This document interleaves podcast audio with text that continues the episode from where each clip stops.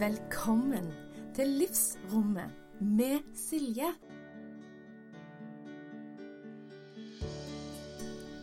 Velkommen til Livsrommet med Silje.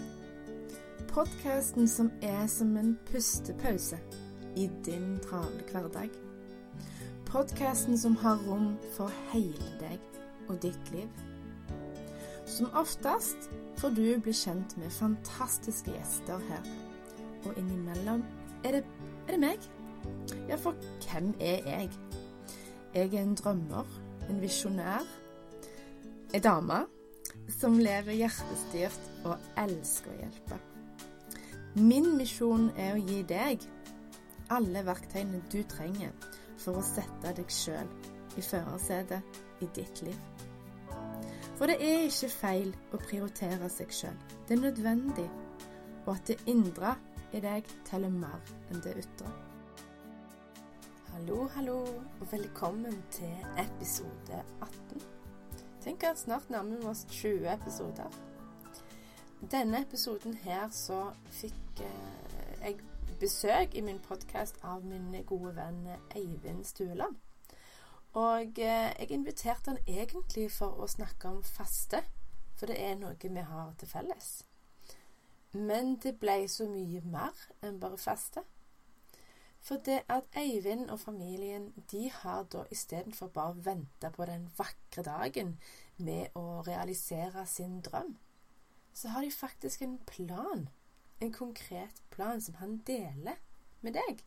Hvordan de er i god vei til å realisere sin drøm om å reise i nesten et år. Men vi snakker òg om selvfølgelig faste i, det, i stort perspektiv og individuelt, og forskjellen mellom hos menn og hos damer. Vi snakker om moment, perspektiv, matglede, og at faste kan gjøre at det blir tydeligere hva mat er for deg. Så du, ha en fantastisk lytt. Denne episoden her, den er sponsa av superstate.no. Velkommen til Livsrommet med Silje, Eivind. Tusen takk. Det er kjempekjekt at du er her nå i dag.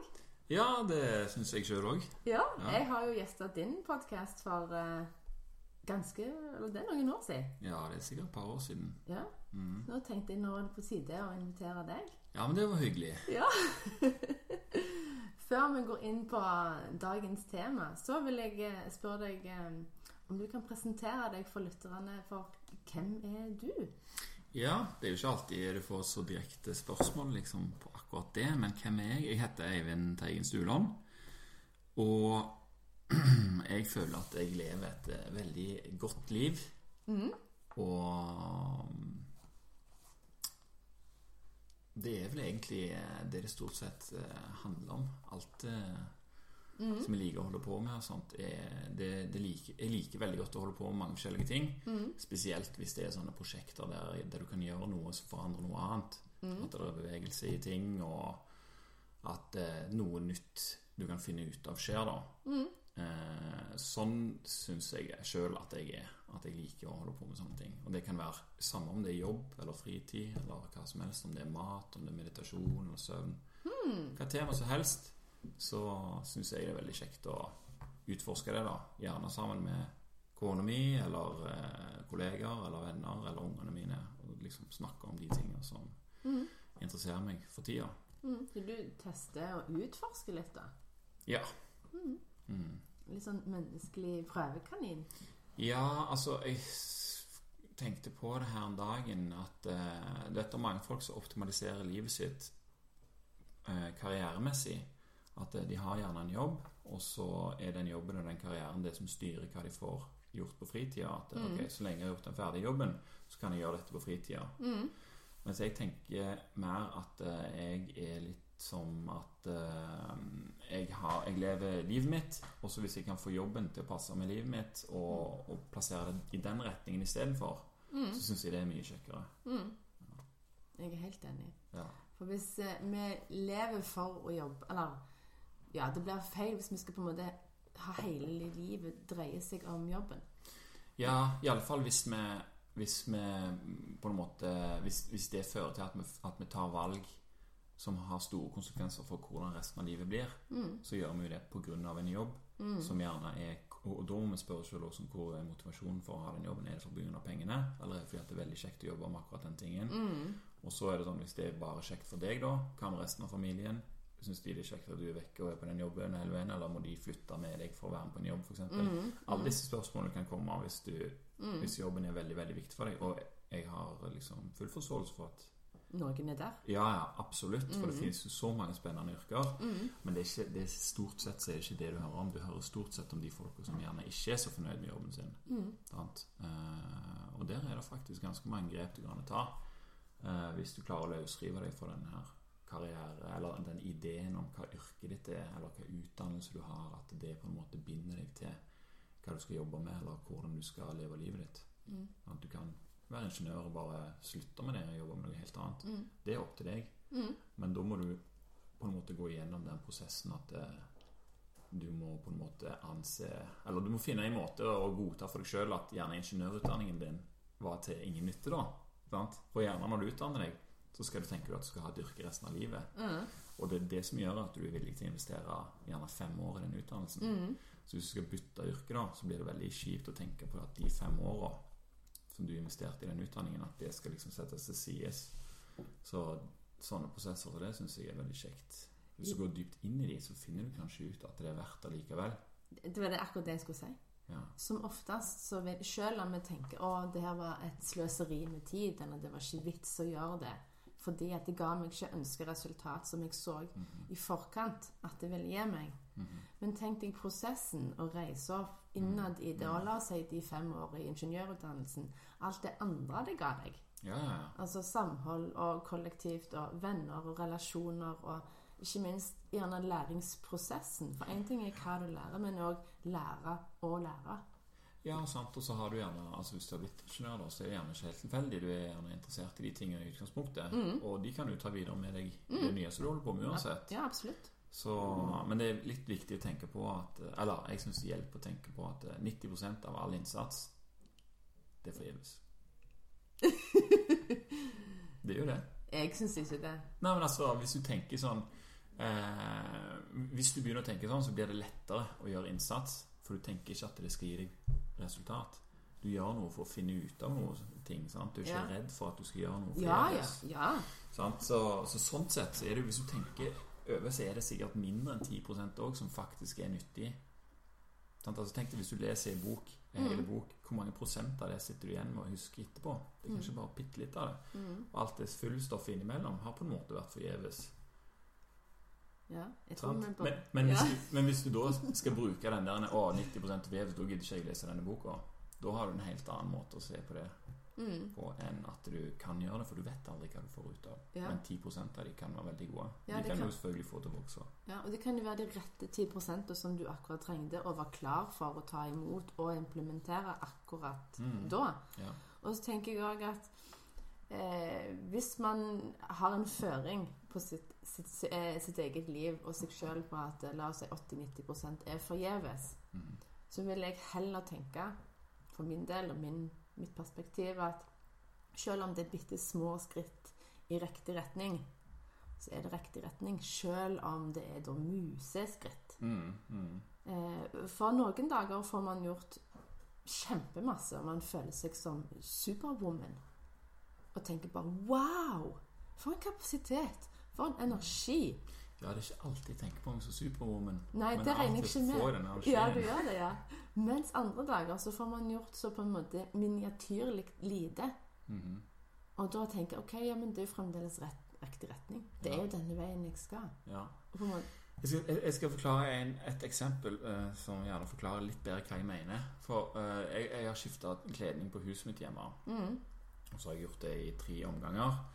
For at det ikke skulle bli sånn supertravelt, at jeg skulle bli dritlei. Så jeg planla veldig nøye når jeg skulle ja. gjøre det, og Mm. liksom når jeg skulle bli ferdig, og at jeg skulle slappe helt av i mellomtida og sånn. Mm, Så og vi bestilte sånn kledning som ikke skulle males, det er Mm. sånn naturlige greier, men det er bare malt med noe som heter Eller behandla med noe som heter jernvitrol.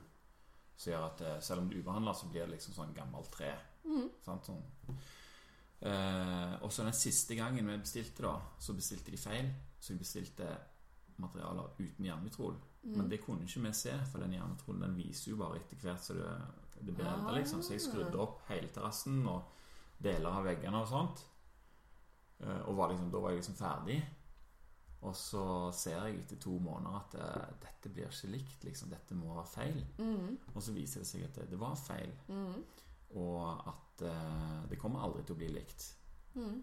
Men vi kunne få nye da Heldigvis var de veldig greie nok å montere og sa ok, dere kan få ny kledning med jernmetode. Beklager, liksom. Ja. Uh, men det betydde jo at jeg måtte ta alt det ned, Ja. og så sette det opp igjen. Mm. Det er forgjeves arbeid. Men når jeg fikk høre det, så ble jeg så sykt glad. Fordi jeg hadde gått og sett på noen sånne små detaljer som jeg ikke var helt fornøyd med. Mm. At jeg hadde gjort så godt som jeg kunne. Etterkant så kanskje jeg var litt sånn Å, nå er det snart middag, og så boot, gjør du sånn, så er den kanten litt sånn. Men den, når, jeg, når jeg fikk sjansen til å gjøre det på nytt, da, Ja. så hadde jeg en helt annen liksom, måte å være nøyen på. Mm. For jeg visste, at, eh, det, jeg visste jo hvordan jeg hadde tenkt når jeg ikke hadde gjort det helt Ja. optimalt. Og da ble det sånn som Henry Ford sier, altså hvis du feiler på noe en gang, så betyr det bare at du får sjansen til å gjøre det bedre en gang til. ja, Og bra. det skal vi være fornøyd med, for det er Mm. veldig sjeldent at vi egentlig får. Mm. Så nå er jeg ferdig, og, og, Men når jeg fortalte folk om dette, her så, så, så var jo jeg i den mentaliteten at å, nå får jeg sjansen til å lage det enda bedre, liksom, sånn som jeg faktisk vil ha det. Mm. Mens de var sånn Å, herlig, å så må du ned med det! Uff, og opp igjen! Ja, men kunne du ikke fått de til å gjort det, da? Så jeg bare sånn De hadde iallfall aldri gjort det Ja. sånn som jeg ville gjort det. Så Ja, det var helt uaktuelt. ja. Så jeg gjorde masse forgjeves arbeid, Mm. men det arbeidet som jeg sitter igjen med, er jo kjempefornøyd med. Mm. Og, og det er det jeg mener med det med forgjeves-greien. At det er ikke det at det er tapt, på en måte. Mm. Men det er ikke den Du måtte gjerne gjøre de 90 òg for å Mm. komme til de 10 Yes. som ga deg det du ville ha. Ja. Men det vet du aldri. Så det å bli mer komfortabel med å sløse med kapasitet Mm. sant? At vi liksom Ok, jeg prøver dette prosjektet, jeg prøver det prosjektet, jeg prøver det prosjektet. Har ikke peiling hva det skal gi meg. Mm. Sant? Og da er du jo helt åpen til å finne ut hva slags tilfeldigheter du sitter igjen med mm. du har prøvd et sånt prosjekt. liksom Mm. Så det å kunne investere energien sin i noe som du ikke aner hva du skal få utbytte i form av, Mm. det eh, tror jeg har mye å si for hvor uh, hvordan utviklingen av liksom, ditt eget liv Mm. er. Mm. Du, du er jo et uh, herlig prakteksemplar på et growth mindset. Ja. Yes. Mm. Og det er ganske mange i sin spede begynnelsen av sin på en måte bevisste reise eller helsereise eller sånn, som er veldig i den der stuckness. Mm. At det de har eh, lært til nå, det er det de kan, det er sånn det er. Og det å tillære seg ny kunnskap eller lære kroppen noe nytt altså At det er sånn på en måte stopp-holdning. Ja. Og da kommer man jo ikke sannsynligvis der man vil, fordi at man har det perspektivet på utfordringer og motgang og Mm. eh, kledning som skal byttes. At og det har jo med perspektivet. Ja. Så hvis du har eksempel en person som er 90 er forgjeves, sant? Eh, men som bruker de 90% på sånne prosjekter, Mm. så kan du si ok, han sitter igjen med 10 liksom. Men den andre personen som ikke vil gjøre det, Mm. han bruker jo sin kapasitet forgjeves på å si at eh, dette, kanskje, dette er ikke noe for meg, dette, kanskje, dette går ikke an. Sånt, sant? Så det er alltid massevis av forgjeves greier. Men eh, liksom i hvilken Retning. hvilken retning skal de tingene som tilfeldigvis dukker opp i det uvisste, hvilken retning skal det dra deg? Mm. Mm. Sånn syns jeg det er kjekt å å tenke. Det var et merkelig svar på 'Hvem er du?' Ja. Det var en eh, definitiv avsporing. Men videre til neste spørsmål, da. Hvordan eh, tar du vare på deg sjøl? Nei, jeg prøver å sløse 90% av tida mi på forgjeves prosjekter. Nei eh, Hvordan tar jeg vare på meg sjøl? Ja, det er jo veldig sånn uvant spørsmål å få fra en mann. Det Ja, kan jeg si. det er derfor jeg spør det. Eh, hvordan tar jeg vare på meg sjøl? Jeg har hørt at du mediterer.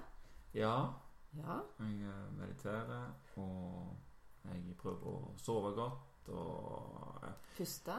Ja, eh, la oss si det sånn, da. For å ta det litt sånn bredt, så Hvordan tar jeg vare på meg sjøl? Jeg prøver å gjøre mange ting som jeg har funnet ut at fører til at jeg fungerer godt. Både Mm. kroppen min og hodet mitt. Mm. Hvordan merker du at du fungerer godt? Ja, det er når jeg har sånn Woo! Hvis jeg har liksom gjort et eller annet og jeg er i skikkelig god form, så kommer jeg hjem og sier sånn 'Nå har jeg gjort det og det og det.' Og liksom Yes! Og, og spesielt på morgensider, hvis du skriver om morgenen. Ja. Eh, noe av det kjekkeste jeg gjør, er liksom hvis du er litt down, f.eks. At du er Mm. litt sånn åh, nå er det ikke liksom sånn, Hva er det jeg egentlig har gjort de siste to månedene, liksom? Og så begynner du sånn oh, Oi, oi, oi, jeg har jo gjort masse! Ja! Sant? Eh, så det er en måte å ta vare på seg sjøl, for jeg blir så glad av det. Mm, mm, Sant? Og da begynner jeg dagen med den gleden der og den vissheten om at jeg er fornøyd med meg sjøl. mm. Og da er det mye lettere for at det skjer flere sånne ting. og At jeg kan Mm. spre det humøret og, Mm. og sånt. Så det er mange ting inni det, da. Mm. Eh, mye av det består av å spise ting som jeg vet gjør meg bra, men òg like viktig la være å spise de tingene som holder meg igjen. Mm. Eh, ja. Bra svar. Mm. Mm. Jeg likte det der gledesropet ditt. Ja, det er noe av det Det kan jeg ha sånn sporadiske tidshelst. Enten hvis jeg leker med ungene, eller helt alene for meg sjøl, eller eh, Det er viktig å kjenne den der gleden. Mm. Og jeg leste en fantastisk bok som heter 'Human Evolution' av Robin Dunbar i fjor. Og den handler om eh, blant annet om Det handler om utviklingen av det sosiale gjerne liksom hos oss, da. Mm. Men en, en ting der inne handler om det Jeg har ikke funnet et sånn bra norsk navn på det, men grooming. Sant? Når en sjimpanse sitter og groomer en annen sjimpanse, plukker lus og sånn, det Ja. kalles for grooming. Ja.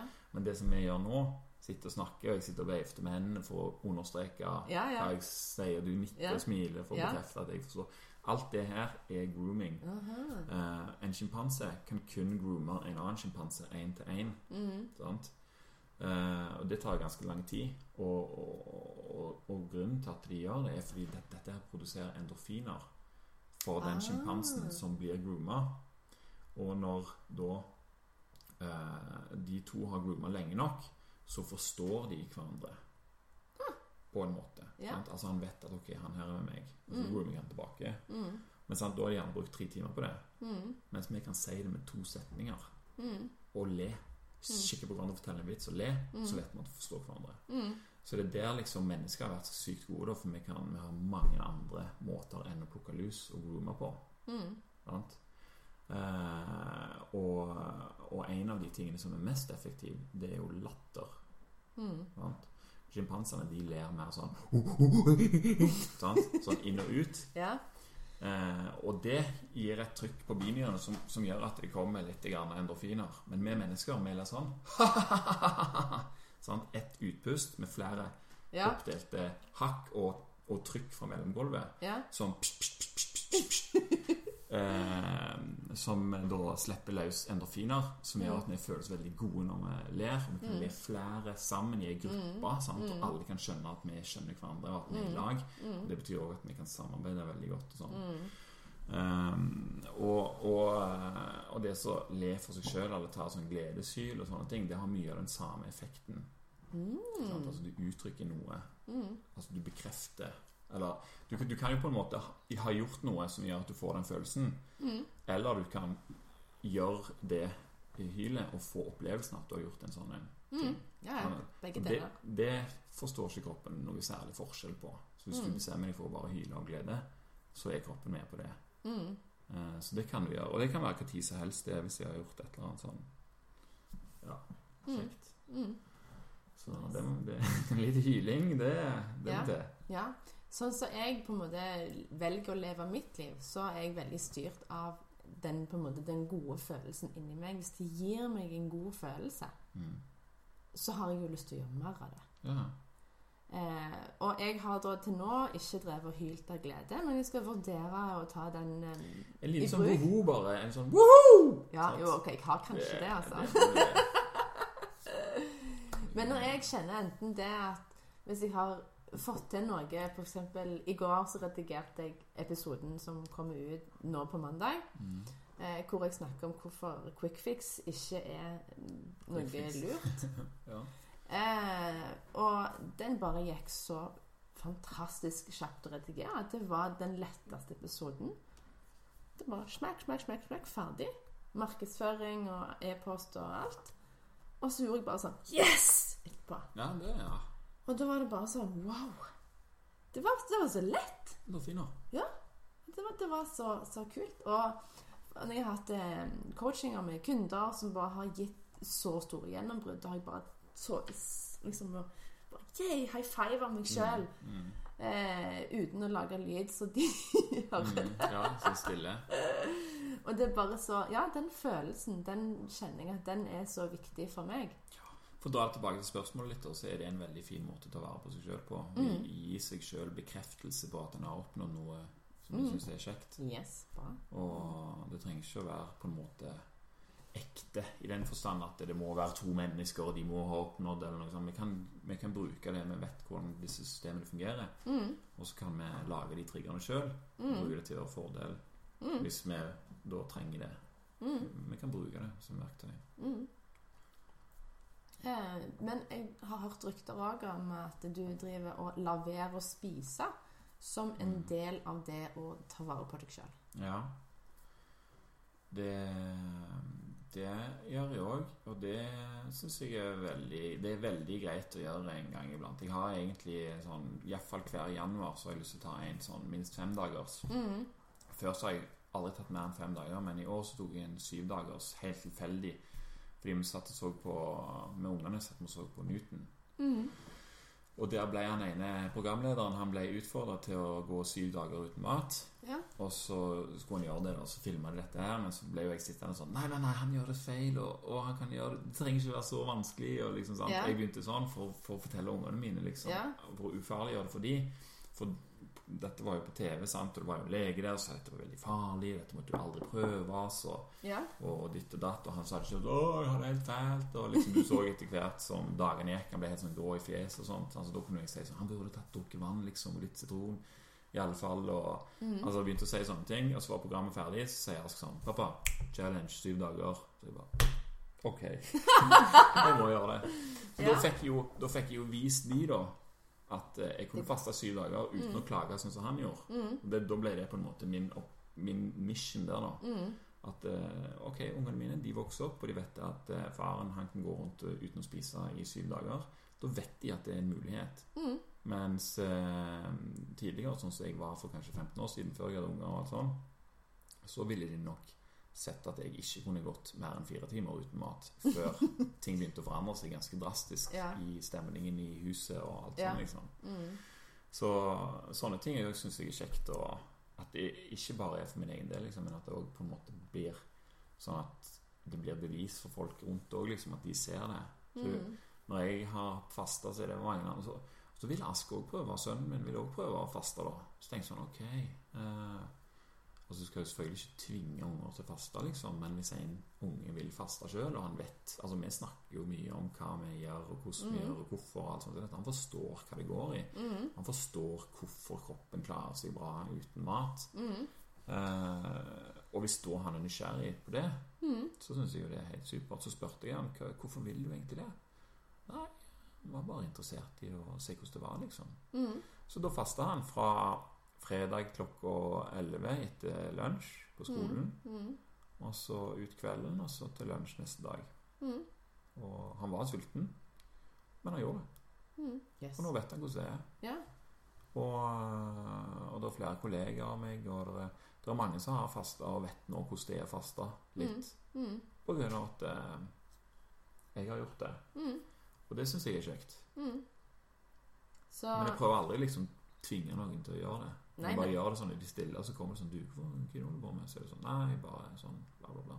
Ja. Og For da blir det mer interessant, for da er det de som kommer med det første ja. spørsmålet. Ja, ja, ja. Mm. Så um, hva For de som ikke vet hva faste er, gjør godt for kroppen, vil du komme med ditt perspektiv? Mm, ja. Det er jo flere ting som skjer, da. Eh, og det er mange fordeler. Vi kan ta de kroppslige først. Det første er jo at når du ikke får mat, så begynner kroppen å tære på sitt eget fettlag. Sånn Mm. så det første som Jeg vet ikke hvor mye de vet, de som hører på, men eh, jeg liker iallfall å være i ketose når jeg er inne i fasten. Mm. Eh, ketose er når du brenner ketonlegemer av eh, dine egne fett, ditt eget fettlager, som er en Mm. veldig behagelig måte å, Mm. å være Jeg er stort sett i ketose alltid. Etter å ha vært av og på i mange år, så har jeg Mm. funnet ut at nei, jeg liker meg bare best i ketose. Det koster Mm. meg ikke fem flate øre å la være å spise de tingene som, Mm. som ikke gjør det. Men vanligvis hvis en faster, så er det det, det, er det hardeste par, første par-tre dagene. Så er det Mm. ganske hardt. Fordi da, hvis du ikke er vant med å gå over i ketose, så vil kroppen hele tiden fortsette å brenne glukose. Mm. Eh, og hvis en ikke får tak i glukose, så vil han prøve å gjøre deg så elendig at du går på butikken og finner det. ja. Det er den følelsen du har der. Og i mellomtida, fram til, til kroppen til slutt gir seg og sier sånn, oh, ok da, vi får sikkert ingenting, vi kan bare begynne med det og brenne dette her, liksom. ja. Mellom, mellom der Mm. så lager du glukose av muskelfibrene dine. Mm. Og det kan du bli ganske sliten av. Det er en veldig sånn tung prosess for kroppen. Veldig ueffektiv. Så du får glukose, og du kan drive kroppen, men du får òg sånn eh, eh, Biprodukt, f.eks., er jo urinsyre. Mm. Sant? Så hvis du, hvis du får for mye av det, så er jo det dårlig for nyrene. Sant? Og, Mm. Mm. og det er sånn typisk hvis du faster, er ikke vant med å faste, så går du og faster, og så beveger du deg veldig lite. Da kan det bli et problem. Mm. For hvis du beveger deg mye og drikker mye vann, og sånn, så går du fortere inn i, i, niketosen. Ja, ja, ja. ja. Eh, men hvis du er i ketose fra begynnelsen, da, så, så slipper du jo det. Da går du bare rett inn i det som jeg kaller for den godfølelsen, den faste godfølelsen. Den når, når du merker at ok, nå begynner magen å bli tom, kroppen har sluppet en del vann, Mm. og du føler deg lettere både til sinns og i kroppen. Mm. Og, og du liksom Ja, du Jeg syns det blir lett å puste gjennom nesen. Og liksom du fø, f, f, Alle som har fasta, vet hva jeg snakker om. når Det det er den faste følelsen. Mm. Eh, men etter en ca. tre døgn da, så begynner du på denne her videre prosessen, for da begynner det å bli så lite næring tilgjengelig Mm. fra det du har spist, at, eh, og kroppen har skjønt at ok, det kommer ikke noe mer, så da må jeg bare gjøre det beste ut av det jeg har her og nå. Mm. Så da begynner den å resirkulere celler som ikke er opp til par. Da. Altså Mm. celler som ikke presterer godt nok, eller deler av celler, altså mitokondrier og organeller inni cellene som ikke presterer så godt som de bør. Mm. Det vil si at de er der, sant? men de opptar kanskje kapasitet, og de bruker energi, Mm. men de gir deg ikke det du skal ha. De gjør ikke den effekten. De gir ikke den effekten du skal ha. Sånn, Så de er på en måte med på laget uten at de betaler, Mm. hvis du skjønner. Mm. Ehm, og um, Skal vi se Hvor var det, hvor var det kommet nå? Det Eh, ja. Autofagien. Autofagien, ja. Mm. Så når, eh, når det begynner å bli lite å hente, da, Mm. så begynner kroppen å finne fram disse dårlige, disse her, eh, Mm. de som presterer dårlig. Mm. Bryter de ned, gjør de om til helt basic proteiner og liksom Mm. molekyler som er Gjenbrukbare. gjenbrukbare Mm. over en bred skala, da. Mm. Så da bryter du ned det som ikke funker, og så bygger du noe nytt Mm. som skjønner at du kan gå flere dager uten mat. Mm. Sant? Og sånn er det med mitokondrier, med, sånn isbading f.eks. òg. Så er det sånn Mm. oh, det er iskaldt, og kroppen min klarer ikke å lage så mye varme. Men idet du hiver deg ut i isvannet, så skjønner kroppen at han har mitokondrier som ikke kan Mm. produsere så mye energi som du vil ha. Og da må man oppgradere og prøve å lage bedre. Mm. Å lage bedre system. Det er jo det som gjør at vi føler Eller det, jeg skal ikke si at det er det som gjør det, men jeg tenker at det er en del av at vi Mm. føler at vi blir bedre til det, at vi tåler det lettere, og at vi Mm. får lyst til å gjøre det, og alle disse her Mm. tingene. Det er jo Mm. masse endorfiner og sånt involvert i, i det òg, selvfølgelig. Definitivt. Pst. Du, multitasker du, eller? Ja, da må jeg be deg om å komme tilbake igjen. Så, så når denne autofagien, den, den, det er en fantastisk prosess som, som gjør underverker for kroppen. For uh, nå, skal, nå er det jo veldig farlig å si noe om noe alternativt som liksom skal kurere kreft. Det er veldig farlig. Ja, det er det. Men fakta er at vi har kreftceller som fyker rundt i kroppen vår hele tida. Mm. Og når vi faster, og spesielt når vi er i den Mm. så er det mye lettere for immunsystemet vårt å fange opp de kreftcellene som tar seg av dem. For det òg skjer hele tida.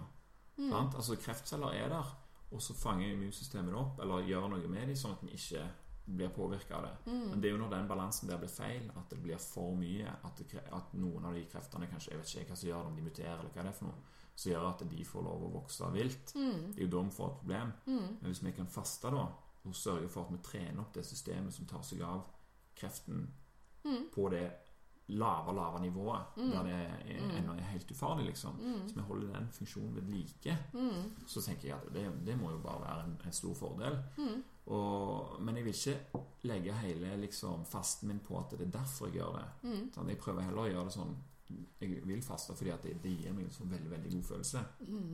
Og at jeg da kan Og hvis jeg er på jakt etter den følelsen, så vil jo alle de tingene, de andre tingene, de kan ha i bakhodet og tenke at Og i tillegg så får jeg det, og i tillegg så er det Ja, det som skjer ja. nå i sønn og sånn og sånn. Sant? Så etter hvert da så føler du liksom at det, at det blir litt eh, lett, og det, det blir en helt annen mening med det du holder på med, istedenfor at du holder deg fra noe.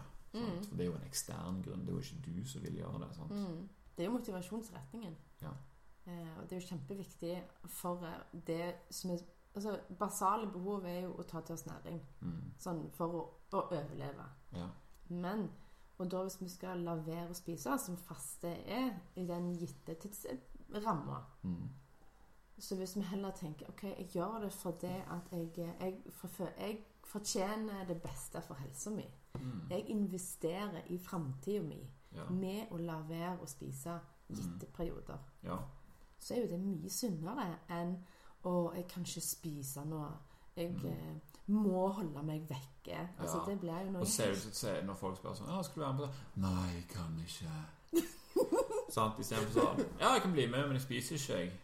Ja. Liksom. Mm. Du kan ta det helt sånn òg. ja. Og, og jeg syns det er veldig kjekt å gjøre det òg for en sånn en eh, På en måte ikke Ikke konkurranse, liksom, instinkt helt, men du blir på en måte litt kjekt å finne ut hva du tåler. Mm. Det syns jeg er kjekt. Og hvis du da får funnet ut at du tåler noe som de færreste tør å tenke på at de skal Mm. gi seg ut på en gang, Mm. så syns jeg det er litt kjekt. Fordi da Altså, det er så mange, så mange ting som oppleves som umulig for mange. Mm. Men med en gang de ser at noen har gjort det, og, og at eh, noen kan fortelle om det mens de smiler og er glad og har liksom masse argumenter Mm. som tilsier at dette her er, er jo en bra ting å gjøre, liksom Mm. Mm. så, så syns jeg det er, er kjekt. Det er jo sånn four minute mile. Eh, Mm. for eksempel den første som sprang én mile på fire minutter. Mm. Det hadde jo folk prøvd på i årtier. Og når han først klarte det, det var fem stykker som klarte det rett etterpå. Det gikk For de inflasjon. visste, ja, de Mm. visste at det var Mm. mulig. Mm. Sånn, De hadde Ja. sett at det var mulig. Mm. Og da gikk det jo mye lettere, da. Mm. Sant? Da er det ikke umulig lenger. Og før noen har gjort det, så er det jo Per definisjon umulig. umulig. Eller det er iallfall ikke blitt gjort ennå. Mm. Sånn, så da vet du ikke om det er mulig. Mm. Men en gang du ser at noen har gjort det, så kan du òg gjøre det. Mm. Så, så sånn er det litt med, med fasting òg, liksom. Men, eh, men det som jeg sa òg, var at det, sånn som han så på TV, han gjorde det på en måte som var mer sånn Å, jeg må holde meg fra å spise. Mm. Uh, men han, han kunne jo gjort en del andre ting. Det er jo forskjellige måter å faste på. Noen mener at du skal bare faste kun vann. Mm. Ingenting annet. Mm. Sant? Men da, da da kommer spørsmålet sånn Ok, men hvorfor faster du? Er det fordi at du skal klare å gjøre det på bare Mm. vann? For at Mm. det skal være vondest mulig, på en måte? Ja. Eller faster du pga. at du skal komme i ketose, at du skal ha den autofagiprosessen, at du skal ha den deilige følelsen i kroppen? Mm. Eh, og da er det andre ting som du kan gjøre. F.eks. salt. Tilføre Mm. salt. Mm. For du, du drikker jo og pisser jo mye når du faster. Mm. Altså salt og elektrolytter. Sånn, Mm. Noe sitronvann eller et eller annet. Bare det kan gjøre ganske stor forskjell. Mm. Og så kan du jo òg i- Du kan jo òg ha litt eh, MCT-olje hvis du vil. Kaffe? Ja, i, som i, i kaffen. Mm. Eh, det hadde jeg denne gangen. Mm. Eh, for denne gangen var målet mitt at jeg skulle vise ungene at du kan faste syv dager. Altså faste.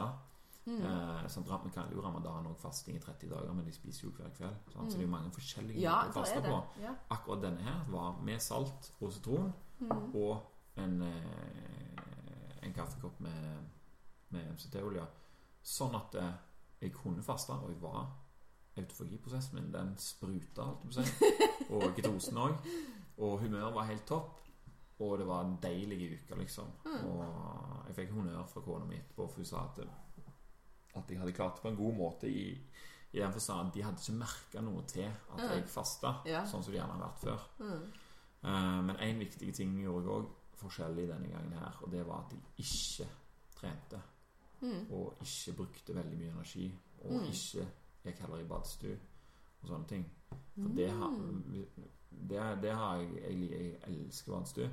Men hvis jeg går inn i badstua og tenker sånn eh, Ta et kvarter badstue Det går aldri. Ha, det blir sånn at jeg sitter der en time, og sånt Og så blir det altfor mye. Sant? Og når du faster, da, så, så svetter du ut altfor mye. Så må du hente deg inn, på en måte. Og det er veldig vanskelig når du ikke spiser.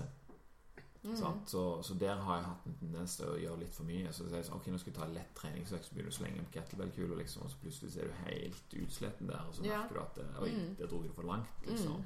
Mm. Det var ikke forenlig med Nei. oppdraget som jeg var på i forhold til Yes. den fasten. Mm. Så denne gangen så bestemte jeg for Da hadde jeg masse sånn eh, skrive- og sitte- og tenkearbeid. Ja. Det hadde jeg gjort klart. Mm. Så det var bare å stå opp om morgenen og lage frokost. Og vi har, vi har jo sånne fantastiske frokostskjemaer. Sånn, jeg lager frokost, så kommer ungene ned, så begynner de å danse Just Dance. Og så kommer jeg ut og danser med Vet du hva Just Dance er? Mm. Mm. Og så danser vi, og så spiser vi frokost og sånt, liksom. Så det er jo helt topp. Um, og så eh, gikk jeg bare til skolen da med de, Mm. og gikk hjem igjen. Og så var det rett å sette seg ned og begynne å Mm.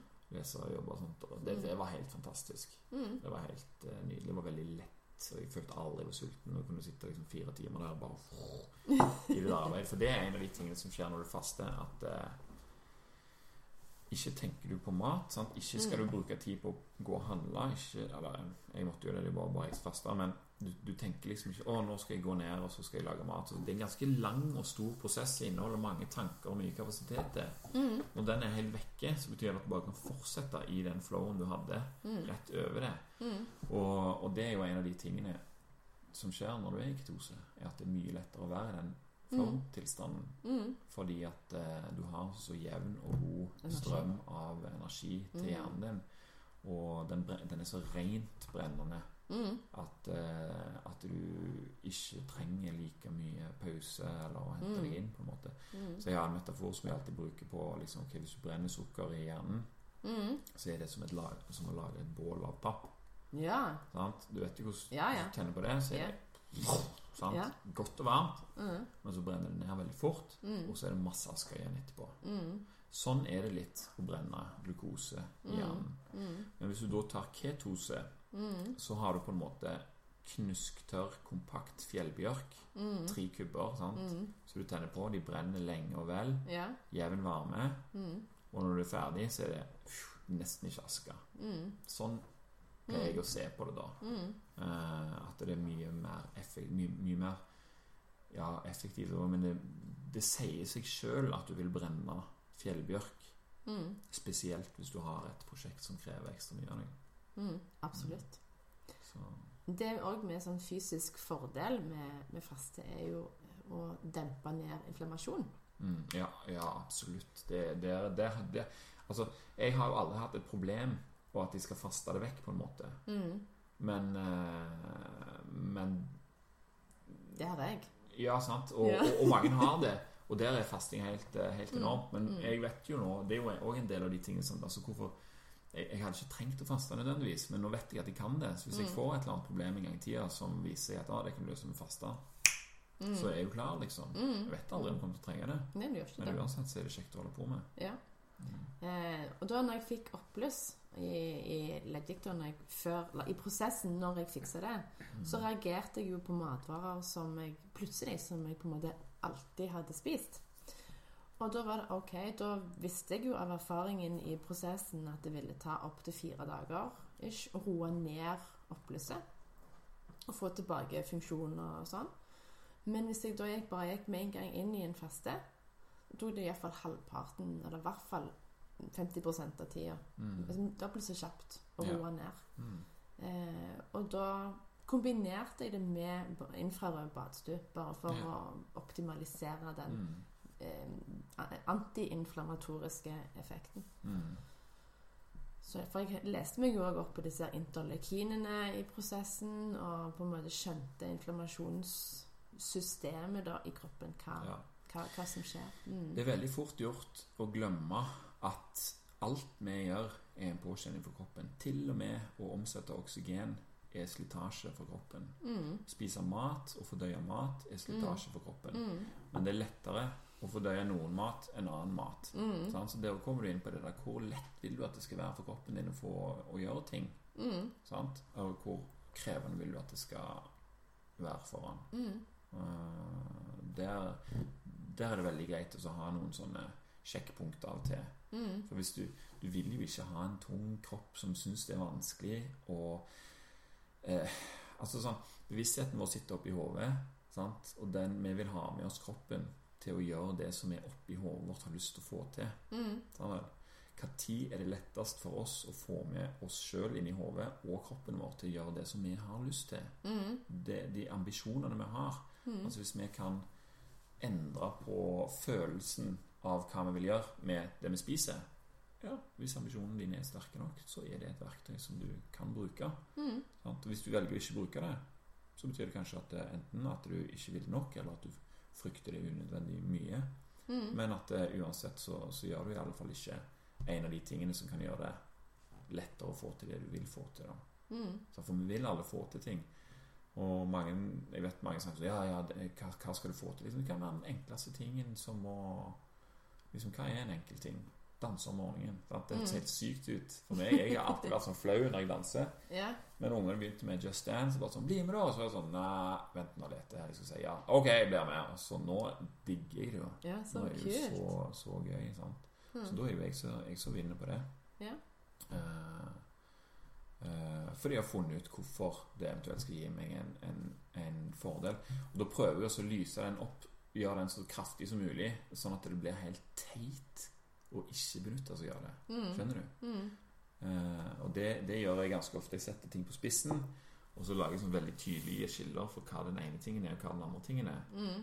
Og det kan være ganske irriterende for mange, kanskje av og til for kona mi iallfall.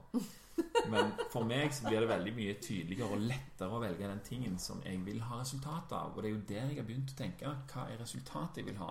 Mm. Og så går jeg tilbake og tenker liksom sånn Ok, hvordan skal jeg få ting til å passe inn Mm. i den veien bort etter, da? Mm. Sånn? Da blir, det, da blir det så mye mer logisk å gjøre de tingene som vi kanskje syns er vanskelig, eller som vi er redde for. Ja.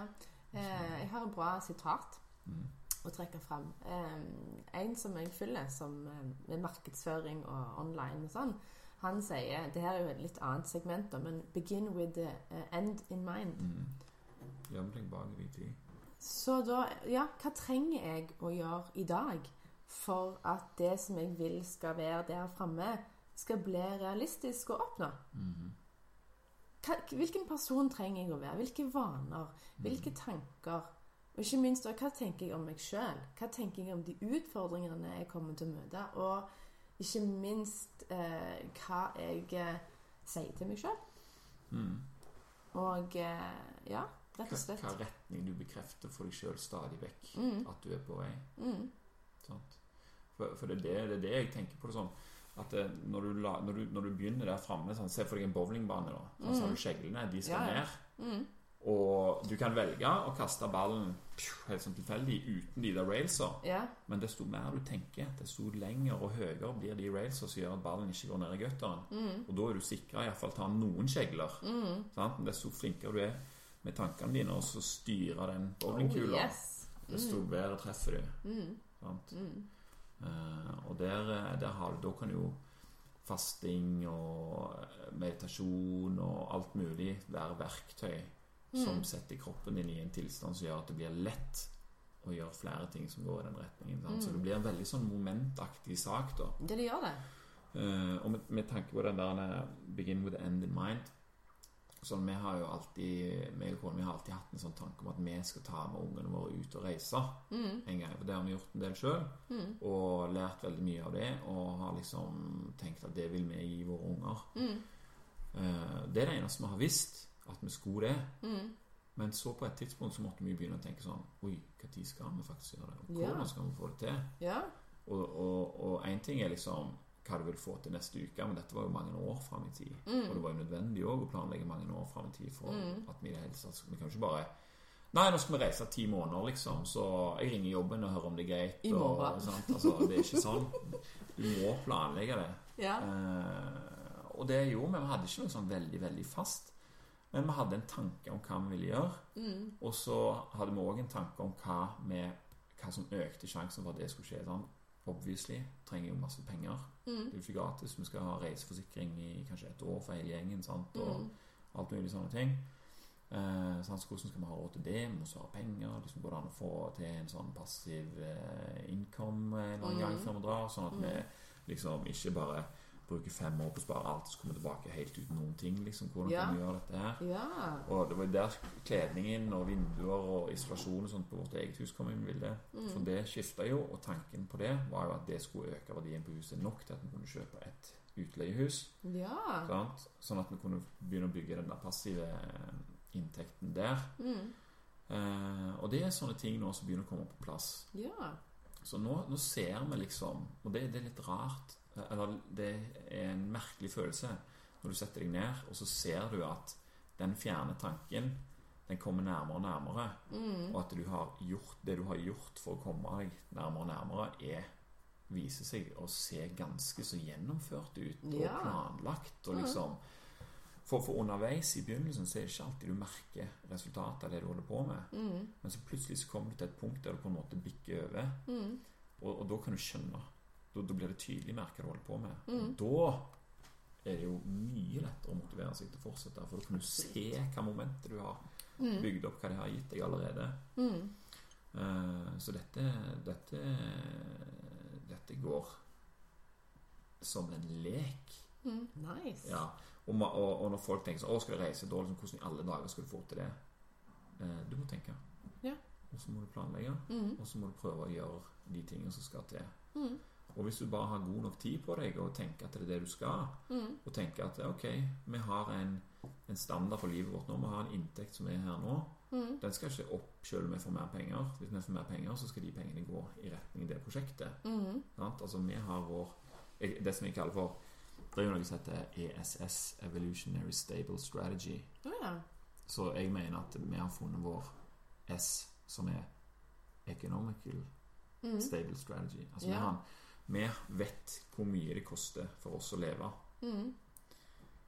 Eh, det har vi en veldig klar tanke på. Vi deler opp pengene hver måned. Det går på den kontoen, det går sånn til mat og hus og, og sånne Ja. ting. Og så går det så og så mye til sparing. Mm. Og når vi har betalt alt det vekk, Mm. så er det så og så mye penger igjen, og det skal gå til resten. Og Mm. hvis vi da er ekstra sugne en måned på å spare mer, så gjør vi jo det. Mm. sant? Og så sjonglerer vi det på den måten der. Mm. Og da blir det jo Da blir vi vane med å leve med sånne ting. Så når vi, kjøpt, vi, vi fikk vi kjøpt et sånt hus med nå, da, Ja. eh, i januar. Helt sånn Det var veldig rart å bare merke at Jøss! Yes, planen! Han klaffer, liksom! Det var helt eh, sånn. Og, og det vil si at vi får ja, noen tusen ekstra i måneden.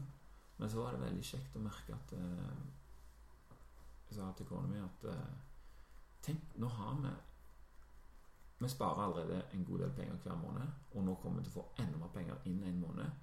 Men vi har aldri tenkt på at det skal være en årsak til at vi skal begynne å kjøpe dyrere mat eller mer klær eller ha andre ting. Mm. Vi tenkte ikke på det i det hele tatt.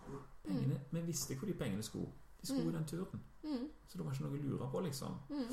Og det er jo der eh, ofte folk sliter, fordi at hvis du går opp i lønn litt og litt og litt og litt, så øker du bare forbruket litt Yes. litt og litt. og litt. Mm. Du må finne din ESS, din Economical Stable Strategy. Mm. Sant? Mm. Hvis du har det, så kan det være et veldig godt verktøy eh, til å skjønne hva du kan få til med ressursene dine.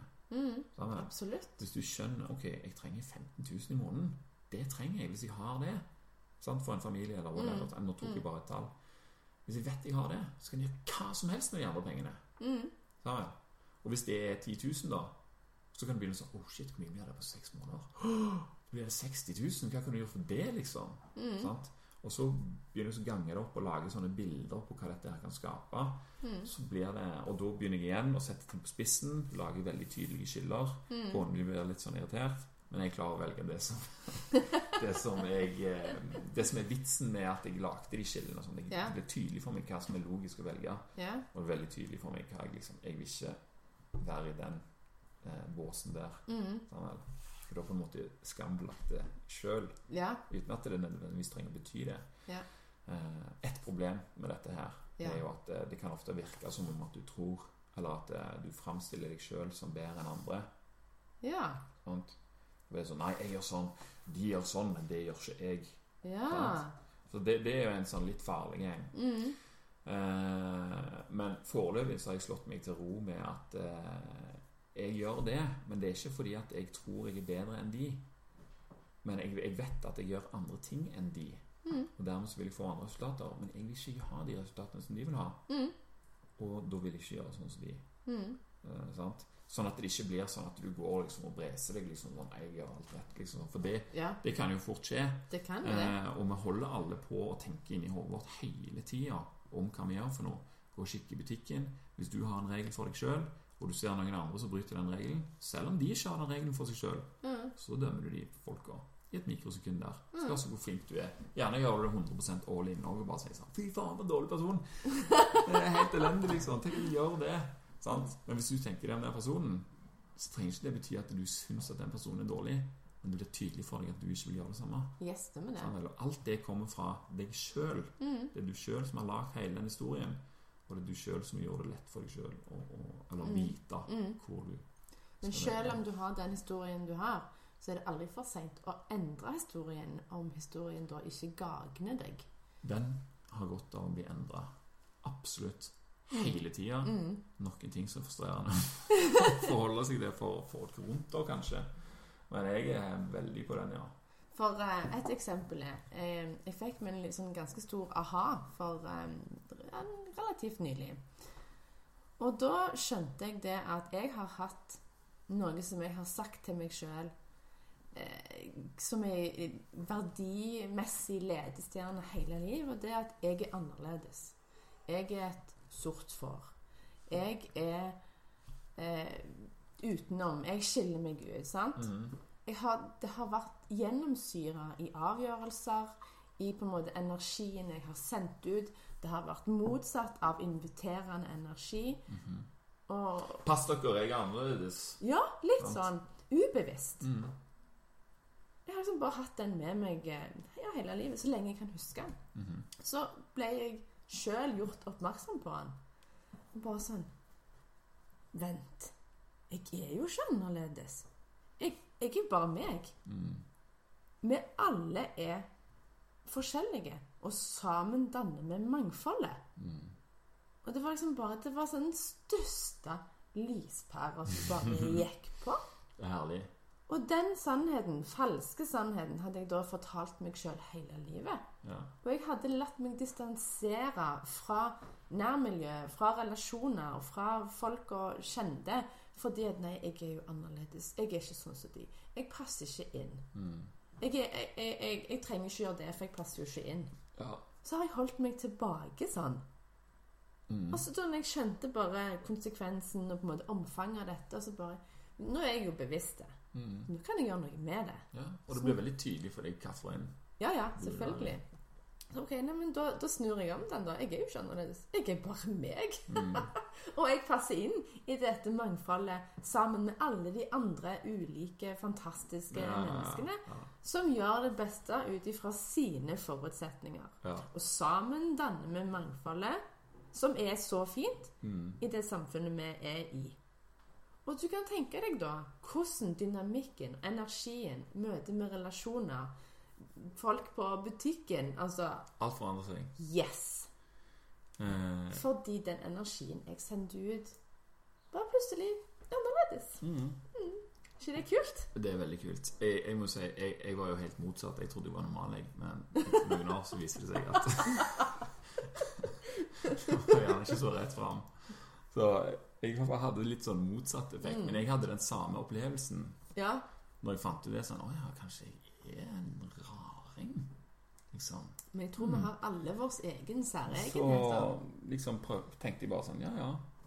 Det er jo Når, når du begynner å stille det opp, så er det sånn Ok, tydeligvis gjør jeg ting helt annerledes enn andre folk, så det er iallfall annerledes, da, men det er ganske nice. Ja. Så da ble det jo på en måte en sånn Mm. Det er en sånn energi. Men du vet, altså det spiller jo egentlig ingen rolle om, det, om du går fra den ene til den andre. For det er igjen hvordan du føler deg Mm. ut av det. Og hva, du, hva glede du kan spre rundt deg. Hva, Mm. hva som smitter på den. Det er jo det som betyr noe. Mm. Og, og, og vi, kan, vi kan lure oss sjøl opp i stry så det synger etter. Det trenger ikke være sant, noe av det. Vi kan bli sånn så glad av ren løgn som vi forteller sjøl. Altså, hvis du skulle være helt eh, sånn, da. Vi kan, Mm. vi kan fake det hvis vi vil, men det er jo ekstra digg å klare det skikkelig, da. Mm. Det er absolutt det. Mm. Men, men vi kan fake det som et verktøy hvis vi trenger det. Mm. Og jeg sier ikke at vi skal bruke det hele veien, og sånt, men det er interessant at det går an. Hvis vi vet at det går an, så skjønner vi òg at det er mange andre ting også som går an. Og da har du igjen den der, da er du òg åpen for litt ting. At liksom Å ja, hvis det går an, så kan det være at dette her går an. Og det, det er sånne ting som du bare finner ut kanskje i ditt eget hode. Mm. Eh, og det trenger ikke være sant i det hele tatt. Men eh, du finner ting ut med å utforske det. Mm. Mm. Men eh, hvis vi snurrer oss tilbake igjen til faste, Mm. hva vil du si at eh, etter ditt perspektiv er de tre største fordelene med å faste? Mm. Og da er det på en måte mentalt, følelses, helse, fysisk Mm. De tre siste. Jeg, jeg er veldig fascinert over den autofagiprosessen. Mm. Den, den, den er en stor motivasjon for å gå mange dager. mm. Og jeg vet at den fyrer seg opp, eller den stiger på en måte etter tre døgn. Mm. Eh, og hvis jeg da Da er det ikke sånn 'Å, nå er jeg framme. Nå, liksom, nå er autofagien liksom høy.' Men hvis jeg vet at jeg går én til døgn, da, så vet jeg at det døgnet der vil gi meg mye større effekt enn hva jeg allerede har hatt på de tre første dagene.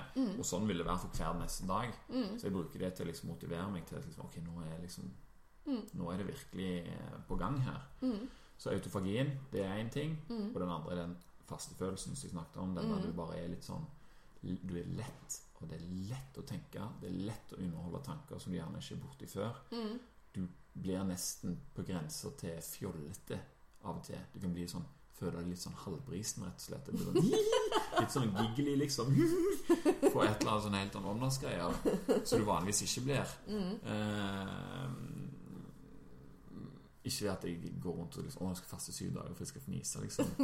Men, eh, men den følelsen som det representerer, er en veldig god følelse. liksom Den man er lett i kroppen og sånt. Og når du våkner om morgenen og, og, og du liksom kjenner at det, jeg skal aldri spise igjen, liksom. Det er sånn det føles egentlig ut når du har den beste følelsen.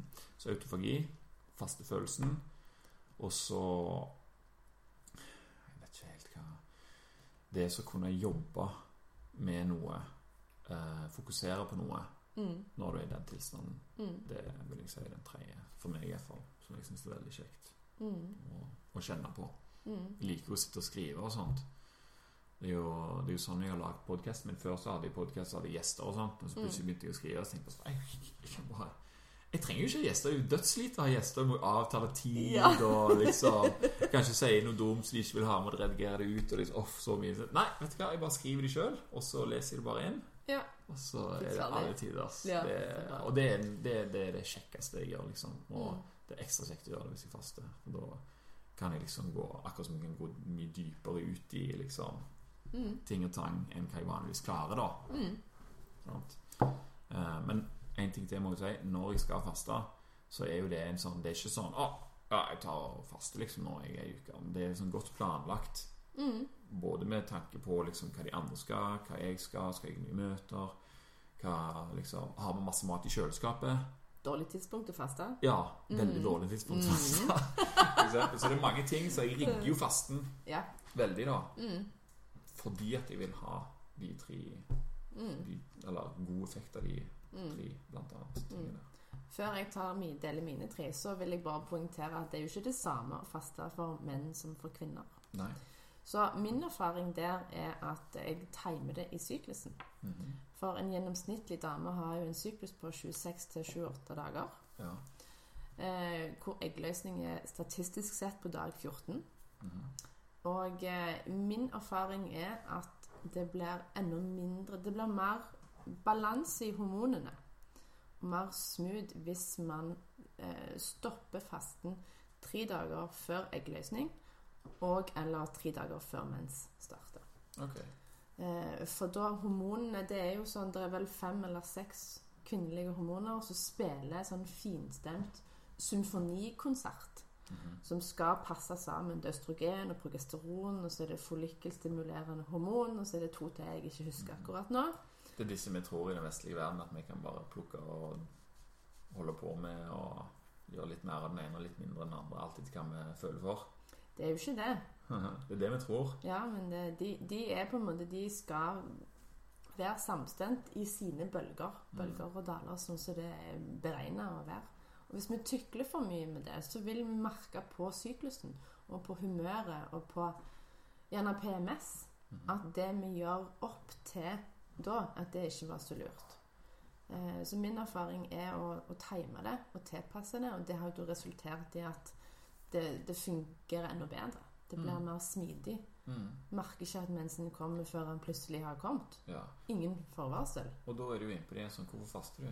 Det er for å få et godt resultat. Da Mm. legger du opp til det. Mm, mm, Og desto mer du vet, desto mer kan du gjøre det. mm, Det som også syns er veldig kjekt, er altså, mens jeg faster, å lese om det og høre om det mens jeg gjør det. mm. For det er akkurat som du kan kjenne det, at det Mm. foregår i kroppen. For du blir jo veldig sånn Observant. Du blir veldig observant. Mm. Sant? Eh, og du kjenner Signal. Du, ja, du Mer. føler mer ting, Mm. liksom. Sånn, ja, vanskelig å forklare, men prøv Mm. på fast. Mm. Så da tar jeg mine tre. Ja. Den første, som jeg tenker er aller viktigst, siden jeg er veldig styrt av følelse Jeg merker den, den følelsen i relasjon til faste best er etterpå. Mm. Når jeg da har hatt mitt første lette måltid og brøter fasten, så føles det som om alle cellene i kroppen min synger den fineste sangen du kan tenke deg. Mm. Og at det er så rent. Det er som vårengjøring og julerengjøring og sommerengjøring. Ja. Du kunne jo prøvd deg og tatt det første måltidet med chicken nuggets eller noe sånt. Det ville du bare aldri gjort. Jeg vil Nei, nei, nei. Du føler den er så ren, Ja, og, så, og du vil bare ha noe sånn rent og godt, på en måte. Ja. Eh, og det er nummer én, for den følelsen den, den fins nesten ikke bedre. Nei. Og nummer to, det må være at kontakten til mitt indre altså At jeg er mer observant for signalene, og at kommunikasjonen blir renere. Mm. Mindre eh, distraksjon, mindre støy på en måte i kommunikasjonskanalen mellom meg og kro- fysiske kroppen. Mm. Så jeg kjenner mye mer inn. Ja. Og nå har jeg jo kommet til den plassen i livet hvor jeg bare digger å se inn. Og det var jo ikke sånn alltid før. Mm. Og det er dessverre motsatt. Og bare det, det er så fint å på en måte kjenne. Og når jeg har hatt sånne breathwork sessions i fastende tilstand, eller meditasjoner som har vært veldig dype, så har jeg jo opplevd de mest crazy, fantastiske tingene som bare tok meg helt til en Mm. annen verden. ja, meditasjon blir jo et helt annet en helt annen greie Ja, det gjør det. Ja, det gjør faktisk det. Mye lettere å komme dypere, som du sier. Ja. Eh, du ser jo delta-bølgene Er det ikke ned på det, da? Eller teta? Jo, det er vel noe sånt. Det er teta, da har du de liksom dyp søvn-bølgene. Så det er jo det Du kan jo faktisk få det Ja. av i meditasjon. Det, det går fint. Mm. Eh, og nummer tre tror jeg må være matglede. Mm. For flere ganger når jeg har gått inn i faste, så har jeg vært sånn semi-matlei. Liksom sånn åh, det er det samme hele veien. Mm. Og så bestemmer jeg meg for ok, nå har jeg spist siste måltid dette tidspunktet. Nå skal jeg ikke spise igjen før om så mange dager eller så mange timer. Og bare bestemmer meg for at sånn er det. Og så når jeg da jobber eller bruker de timene de dagene på å gjøre det som jeg skal gjøre, og så begynner jeg å kjenne når det da nærmer seg faste slutt at å, jeg gleder meg til å lage det. Jeg Mm. gleder meg til å smake på det. Mm. Og bare den der matgleden som var på en måte i stillstand og litt sånn brakke. Liksom. Mm, mm. Ja, den bare bobler og spirer. Ja, men hvis jeg tar den smaken i lag med den, Mm. blir ikke det bra? Så jeg ser liksom nye muligheter og bare gleder meg til å skape et eller annet bra på kjøkkenet. Så for å følge opp på den der så, så, så jeg, får veldig mye av det samme, men, men Og de smakene som jeg vil ha, Mm. de er ikke pepper eller piffi eller eh, noe slags krydder i det hele tatt. Det er som regel sånn En gang så var det sånn nå er jeg ferdig. Jeg skal ha kald ris med salt og olivenolje. Sånn, Hæ?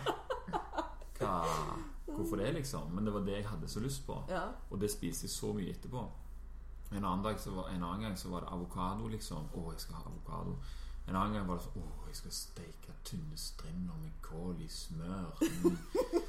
Det er liksom helt sånn Veldig basic, da. ja. Og, og det føler jeg følger med etterpå. Liksom, at det er sånn Mm. krydder og alt For mye blanding. Altså, blanding er greit, men hvis det blir liksom sånn et smørje, liksom, så Mm. blir det ikke det samme som hvis det er liksom Mm. Å, her har du ei gryte med oksehaler som bare er salte, og så Ja, har du raspa rødbeter her, liksom. Mm. Og så bare. Så Mm, mm, ja, jeg, jeg er enig. Det, det rene føles best etter en Mm. faste. ja. Eh, Og det blir òg på en måte som å, å på en måte ære kroppen sin. Ja, ja. Det blir liksom det. Du blir liksom minimalistisk i tankegangen din. til Det blir mye Jeg tenker at det blir mye øh, Kanskje det er underbevisst òg, men at det på en måte blir tydeligere for deg hva mat faktisk er. Mm. At det er næring. Og det er vilt forskjellig hva folk optimaliserer for i forhold til mat. Mm. Jeg optimaliserer for nummer én næring. To smak.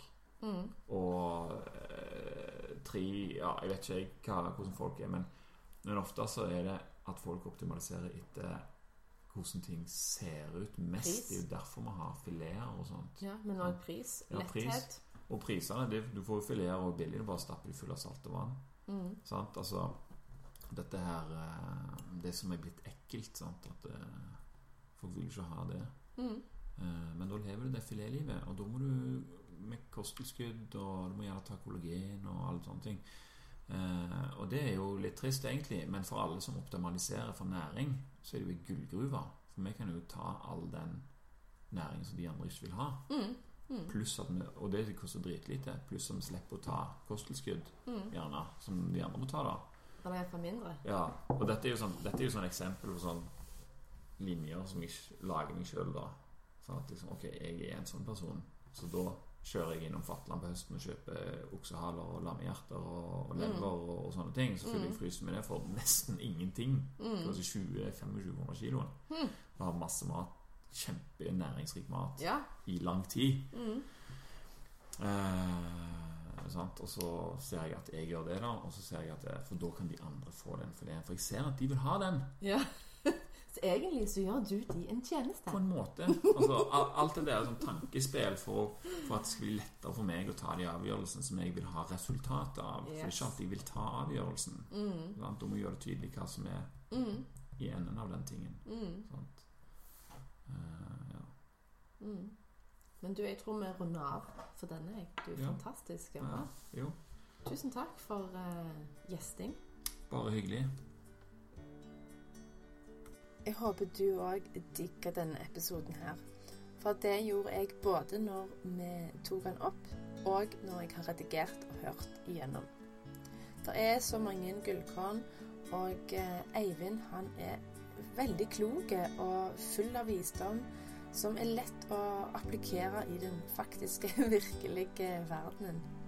Og jeg håper at du sjekker opp hans podkast. Den heter podkasten til Eivind Stueland. Den finner du overalt hvor, hvor du kan høre podcaster. Og ikke minst dele på sosiale medier og eh, Instagram, og tagg meg. Eh, Eivind er faktisk ikke på Instagram. og så du, så snakkes vi neste uke. Ha det godt.